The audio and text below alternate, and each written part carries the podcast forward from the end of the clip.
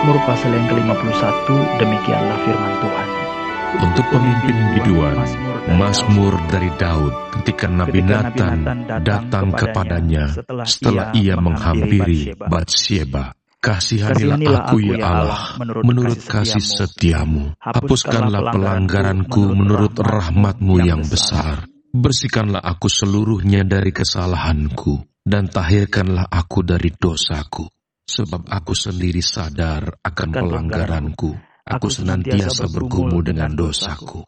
Terhadap engkau, terhadap engkau sajalah aku telah berdosa dan melakukan apa yang kau anggap jahat, supaya ternyata engkau adil dalam putusanmu, bersih dalam penghukumanmu. Sesungguhnya dalam kesalahan aku diperanakkan, dalam dosa aku dikandung ibuku. Sesungguhnya engkau berkenan akan kebenaran dalam batin, dan dengan diam-diam engkau memberitahukan hikmat kepadaku. Bersihkanlah aku daripada dosaku dengan hisop, maka aku menjadi tahir. Basuhlah aku, maka aku menjadi lebih putih dari salju. Biarlah aku mendengar kegirangan dan sukacita. Biarlah tulang yang kau remukan bersorak-sorak kembali. Sembunyikanlah wajahmu terhadap dosaku. Hapuskanlah segala kesalahanku. Jadikanlah hatiku tahir, ya Allah, dan perbaharuilah batinku dengan roh yang teguh. Janganlah membuang aku dari hadapanmu. dan janganlah mengambil rohmu yang kudus daripadaku. Bangkitkanlah kembali padaku kegirangan karena selamat yang daripadamu, dan lengkapilah aku dengan roh yang rela. Maka aku akan mengajarkan jalanmu kepada orang-orang yang melakukan pelanggaran, supaya orang-orang berdosa berbalik kepadamu. Lepaskanlah aku dari hutang darah, ya Allah, Allah keselamatanku maka lidahku akan bersorak-sorai memberitakan keadilanmu. Ya Tuhan, bukalah bibirku, supaya mulutku memberitakan puji-pujian kepadamu. Sebab engkau tidak berkenan kepada korban sembelihan. Sekiranya ku persembahkan korban bakaran, engkau tidak menyukainya. Korban sembelihan kepada Allah ialah jiwa yang hancur, hati yang patah dan remuk, tidak akan kau pandang hina, ya Allah. Lakukanlah kebaikan kepada Sion menurut kerelaan hatimu. Bangunkanlah tembok-tembok Yerusalem. Maka engkau akan berkenan kepada korban yang benar, korban bakaran, dan korban yang terbakar seluruhnya. Maka orang akan mengorbankan lembu jantan di atas mesbahmu. Demikianlah firman Tuhan. Umat-umat Tuhan, Mazmur pasal 51 adalah satu dari tujuh Mazmur tentang pengakuan dosa. Mazmur yang sangat indah sekali. Dan pada waktu pagi hari ini saya mengajak kita untuk merenungkan dan mengambil posisi, mencermati, mengamati bagaimana orang-orang suci dalam Alkitab, para hamba-hamba Tuhan yang Tuhan pakai, yang menerima wahyu daripada Tuhan dan menuliskan setiap perkataan dari Allah ini untuk diturunkan kepada kita. Bagaimana mereka memposisikan diri, bagaimana mereka melihat dosa-dosa mereka, bagaimana mereka berhadapan di hadapan Allah, bagaimana kedudukan mereka. Mari kita perhatikan, mari kita cermati. Sehingga kita akan melihat apa itu pengakuan dosa, bagaimana menjalankannya, di mana keindahannya, kata-kata apa dan kalimat apa yang mereka ungkapkan, yang mereka lukiskan, mereka akui, mereka gambarkan. Mazmur pasal 51 adalah satu bagian dari serangkaian, ada tujuh kalimat atau tujuh pasal atau tujuh bagian Mazmur pengakuan dosa. Tetapi Mazmur pasal 51 adalah satu Mazmur pengakuan dosa yang sangat otentik sekali. Ini adalah Mazmur yang dikatakan oleh Daud. Pada bagian yang kedua ini, saudara-saudara, ini adalah Mazmur yang dikatakan Daud kalau dalam bagian kemarin dari Bani Korah, Mazmur Asaf. Kalau sekarang Daud mulai muncul kembali lagi. Dan pada waktu dia muncul, diberitakan tentang pengakuan dosanya. Kapan peristiwa ini terjadi? Ketika Nabi Nathan datang kepada Daud setelah ia menghampiri Batsheba. Memang perjinahan atau jatuhnya Daud dalam dosa dengan perjinahan dengan Batsheba membunuh Uria suaminya adalah suatu bagian fase yang sangat-sangat memukul dan sangat hina yang membuat Daud menjadi cemar, yang membuat Daud menjadi diingat sebagai seseorang yang melakukan perbuatan jahat di mata Tuhan dan itu sangat serius sekali. Inilah bagiannya pada waktu dia diperingatkan. Saudara boleh membaca ini dalam 2 Samuel pasal yang ke-11 dan pasal 12 ayat yang ke-1 sampai 15. Itu adalah peristiwa bagaimana dia boleh berzina dengan Bathsheba, lalu suami dari Bathsheba mati, Uria. Lalu kemudian dia diperingatkan oleh Nabi Nathan sekitar satu tahun setelah perbuatan itu. Karena pada waktu itu itu adalah anak yang hasil perjinan mereka akan sudah lahir, akan lahir dan akhirnya mati. Saudara, ini adalah peristiwa yang sangat panjang dari dia melakukan perbuatan zina sampai akhirnya Tuhan menegur dia. Tuhan masih beri kesempatan, tapi memang selama satu tahun itu tidak ada kelihatan gelagat untuk perubahan sampai akhirnya Nabi Nathan harus langsung datang untuk sampaikan firman Tuhan menegur Daud. Lalu bagaimana reaksi Daud? Dia mulai dalam ayat yang ketiga, Kasihanilah aku ya Allah menurut kasih setiamu, hapuskanlah pelanggaranku menurut rahmatmu yang besar. Kalimat dalam ayat yang ketiga ini, ini adalah kalimat yang perlu kita perhatikan. Dalam bahasa Alkitab, dalam bahasa asli ada bahasa yang diulang, ada kata yang diulang. Dalam Mazmur 51 ayat yang ketiga, istilah kasihani Aku ya Allah, kasihani, menurut kasih setiamu. Jadi itu punya akar kata yang sama. Akar kata yang sama, keset. Kasihani menurut kasihanimu ya Tuhan. Kasihani aku menurut kasihanimu ya Tuhan. Yang kedua kalimatnya dikatakan dalam ayat yang ketiga. Hapuskan pelanggaranku menurut rahmatmu. Hapuskan pelanggaranku menurut rahmatmu. Dia tidak berkata, hapuskanlah atau berikanlah rahmatmu menurut rahmatmu. Kalau kalimat pertama dia berkata, kasihani aku menurut kasihanimu. Tapi kalimat kedua dia berkata, hapuskan pelanggaranku. Jadi kalau kita lihat struktur atau komposisi, ini kalau sama seperti kita buat kopi, saudara-saudara. Kalau saudara buat kopi kan ada takaran, berapa banyak kopinya, berapa banyak gulanya, berapa banyak airnya. Jadi kalau kita baca dalam Mazmur 51 ayat yang ketiga, saudara bisa melihat apa yang Daud mulai kalimat dalam hal ini. Dia berbicara tentang kasihani Tuhan menurut kasihanimu kasihani aku menurut kasihanimu. Lalu dia bicara, hapuskan pelanggaranku menurut rahmatmu. Dia tidak berkata, rahmati aku menurut rahmatmu.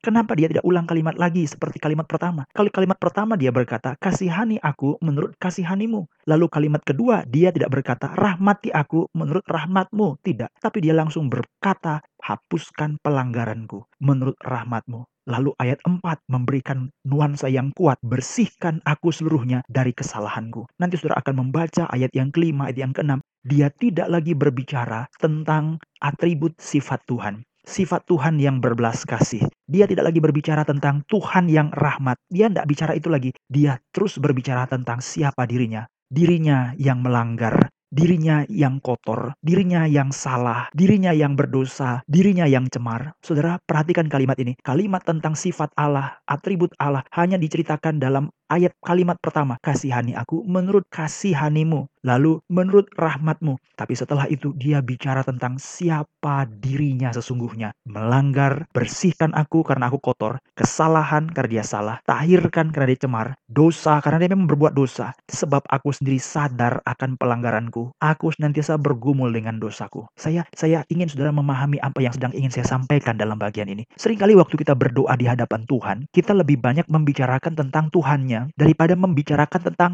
kekotoran dan kenajisan kita. Ini satu hal yang keliru pada waktu kita mengaku dosa. Waktu kita mengaku dosa, kita perlu memang mengenal Tuhan dan membicarakan tentang Tuhan. Tuhan itu baik, Tuhan penuh kasih, Tuhan panjang sabar, Tuhan setia, berlimpah rahmatnya. Kita banyak bicara tentang Tuhan, tapi sangkin banyaknya kita membicara tentang dia, kita tidak membicarakan, tidak mengekspos, tidak membongkar siapa diri kita. Ini model penjilat, saudara-saudara. Saudara ngerti kalau penjilat ya? Penjilat itu dia akan puji-puji orang, dia akan puji-puji orang, dia akan puji-puji orang. Pujinya lebih banyak. Sama seperti buat kopi dengan gula, itu takaran gula dengan kopinya tidak seimbang, tidak sesuai. Sehingga pada waktu kita membaca Mazmur pengakuan dosa, apa yang disadari oleh orang yang berdosa ini? Apa yang dipikirkan oleh orang berdosa ini? Dia tahu bahwa Allah itu adalah Allah kasih. Dia tahu adalah Allah itu adalah penuh rahmat. Tetapi setelah dia membicarakan itu kepada Allah, dia terus menceritakan, menceritakan kebobrokan dan kejelekannya. Nah, ini hal yang perlu kita bikin sebuah pembedaan. Dalam hal pengakuan dosa, sering kali kita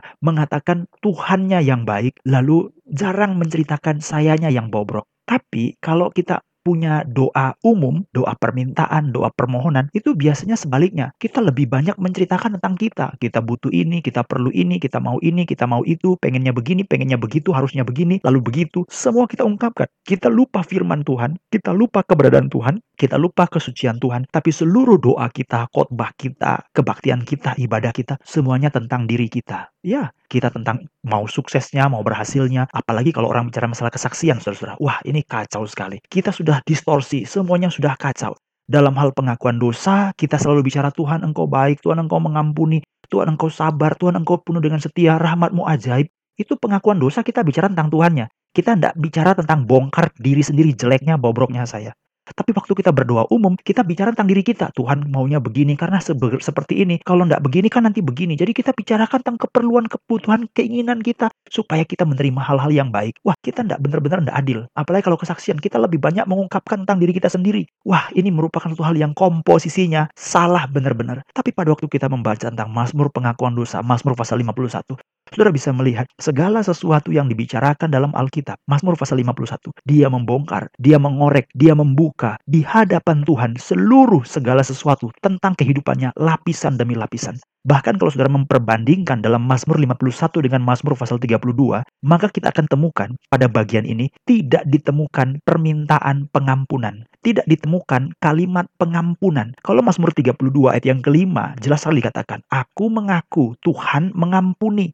Tapi dalam Mazmur pasal 51, kita tidak menemukan kata atau kalimat Tuhan memberikan pengampunan. Mengapa? Dia tidak concern dalam hal itu. Dia lebih banyak mengkorek, membongkar kebobrokan dirinya sendiri. Ini pengakuan dosa. Jadi pengakuan dosa jangan terlalu minta terlalu banyak daripada Tuhan. Sadari dirimu, kenali siapa dirimu, lalu bawa dan akui di hadapan Tuhan. Jangan ada satu lapisan pun yang tertutupi. Jangan ada satu bagian pun yang tidak diakui. Dosa yang diampuni adalah dosa yang diakui. Tanpa pengakuan dosa, tidak ada pengampunan. 1 Yohanes pasal 1 ayat yang ke-9. Kalau saudara baca dalam 2 Samuel pasal 12, pada waktu Daud berhadapan dengan Nathan, Nathan Nabi Tuhan berkata, engkaulah orang yang berdosa itu. Lalu Daud langsung berkata, dengan sungguh dan serius, dengan jujur dan tulus dia berkata, kiranya Tuhan mengampuni dosa dan pelanggaranku.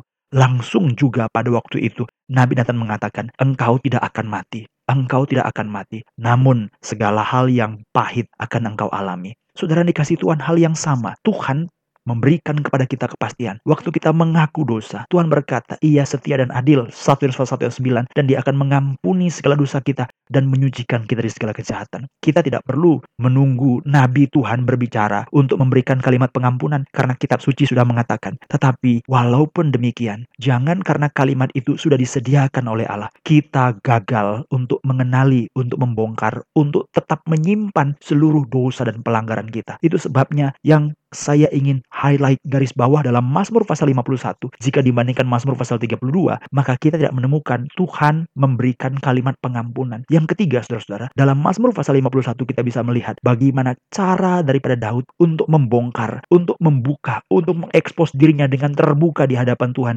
Dia mengungkapkan tiga kalimat tentang dosa yang sama juga dalam Mazmur pasal 32, yaitu istilah pelanggaran, dua istilah kesalahan, dan yang ketiga, istilah dosa. Dalam ayat yang ketiga dia berkata, hapuskanlah pelanggaran. Lalu dalam ayat yang keempat, bersihkanlah aku dari kesalahan. Dalam ayat yang keempat, tahirkanlah aku dalam atau dari dosa. Jadi tiga kalimat ini, pelanggaran, kesalahan, dan dosa. Itu diceritakan dalam Mazmur pasal 32. Tetapi dalam Mazmur pasal 51, tiga kata ini bukan hanya satu kali, tapi berulang kali, berulang kali sampai ayat yang ke-15. Kita akan temukan tiga kata ini diulang lagi, diulang lagi, diulang lagi. Sama seperti kalau orang main tinju, dipukul, dipukul lagi, setelah dipukul, dipukul lagi. Dia membiarkan dirinya, dia membuka dirinya, dia jujur di hadapan Allah bahwa dia adalah orang yang melanggar, dia adalah orang yang berdosa, dia adalah orang yang salah. Ayat yang keempat, bersihkan aku dari kesalahanku, tahirkan dari dosaku. Ayat lima, diulang lagi, aku sadar akan pelanggaranku, aku senantiasa bergumul dengan dosaku. Ayat 6, aku telah berdosa terhadap engkau saja aku berdosa dan melakukan yang jahat. Lalu ayat 7, dalam kesalahan, dosa, pelanggaran, dan kesalahan. Diulang lagi, dalam kesalahan aku diperanakan, dalam dosa aku dikandung oleh ibuku. Lalu ayat 9, bersihkan aku dari dosaku. Diulang lagi, saudara-saudara. Lalu kalau kita baca dalam ayat yang ke-11, sembunyikan wajahmu terhadap dosaku. Ulang lagi, hapuskan segala kesalahanku. Ulang lagi. Jadi saudara lihat, bahwa pada waktu dia membicarakan Mazmur pasal 51 tidak ada tameng, tidak ada perisai, tidak ada benteng, tidak ada lapisan-lapisan pakaian jubah untuk menutupi dia betul-betul sungguh-sungguh. Seperti nyanyian kita yang berkata jiwaku terbuka untukmu Tuhan. Selidiki, nyatakan segala perkara. Singkapkan semua yang terselubung. Jangan ada yang tertutup supaya aku layak di hadapan Tuhan. Dia hanya bicara satu kalimat tentang sifat Allah. Tetapi setelah itu dia terus membicarakan betapa jahatnya, jeleknya, bobroknya dirinya. Biarlah kita mengerti apa artinya pengakuan dosa. Pengakuan dosa, jujur, terbuka di hadapan Tuhan. Tidak peduli seberapa hancur, tidak peduli seberapa remuk. Dalam ayat yang ke-10 dikatakan, biarlah tulang yang kau remukkan bersorak-sorak kembali. Tidak peduli seberapa hancur, tidak peduli seberapa remuk, karena itu ada dalam tangan Tuhan. Biarlah Tuhan tolong kita untuk belajar mengerti bagaimana hidup untuk mengaku dosa di hadapan Tuhan.